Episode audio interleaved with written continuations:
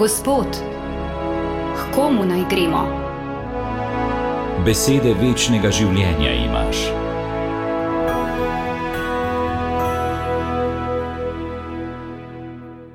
Odpraviti se na pot. Končalo se je šolsko leto, nekateri so se že odpravili na počitnice. Ko nekam gremo, se odpravimo na pot, da bi cilj, ki smo si ga zastavili, tudi dosegli hodimo zemljsko pot, pa tudi duhovno, o kateri želimo razmišljati danes. Evangelij 13. nedelje med letom pripoveduje o Jezusovi trdni odločitvi, da bo šel na pot proti Jeruzalemu.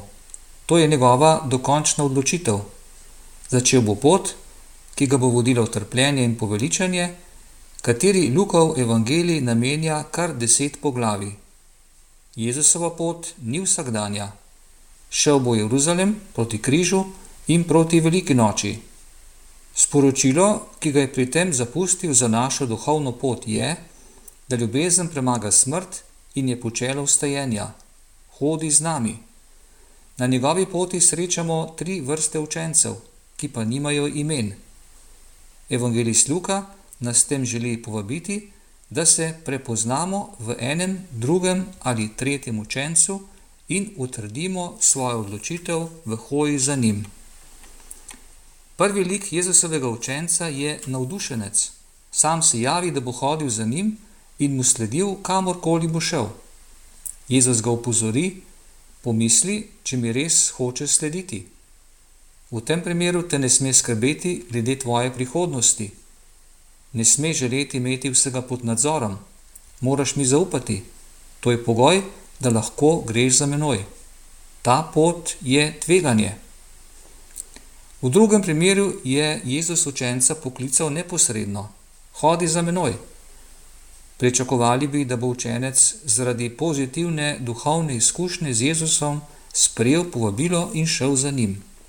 Toda slednji je navezan na preteklo življenje, ki ga ne pusti oditi na pot. Da bi sledili Jezusu in njegovemu nauku, moramo biti svobodni in pripravljeni zapustiti vezi s preteklostjo. To velja še zlasti za duhovniške in redovniške poklice, pa tudi za zakonsko zvezo. Treba imeti pogum in zaupanje, ter zapustiti starše, brate ali izvorno družino in se podati k večji ljubezni. V tretjem primeru učenec spontano reče: Sledil ti bom.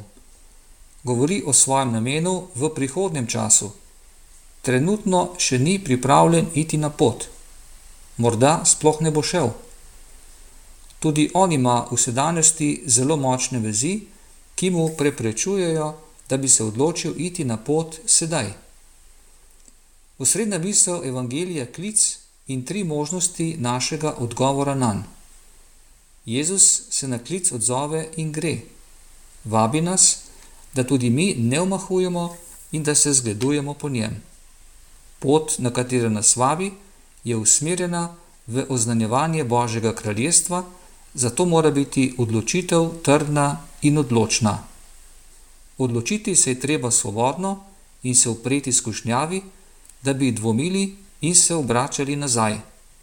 Tako se konča tudi evangelij: Nihče, kdor položi roko na plug in se nazaj ozira, ni primeren za Božje kraljestvo.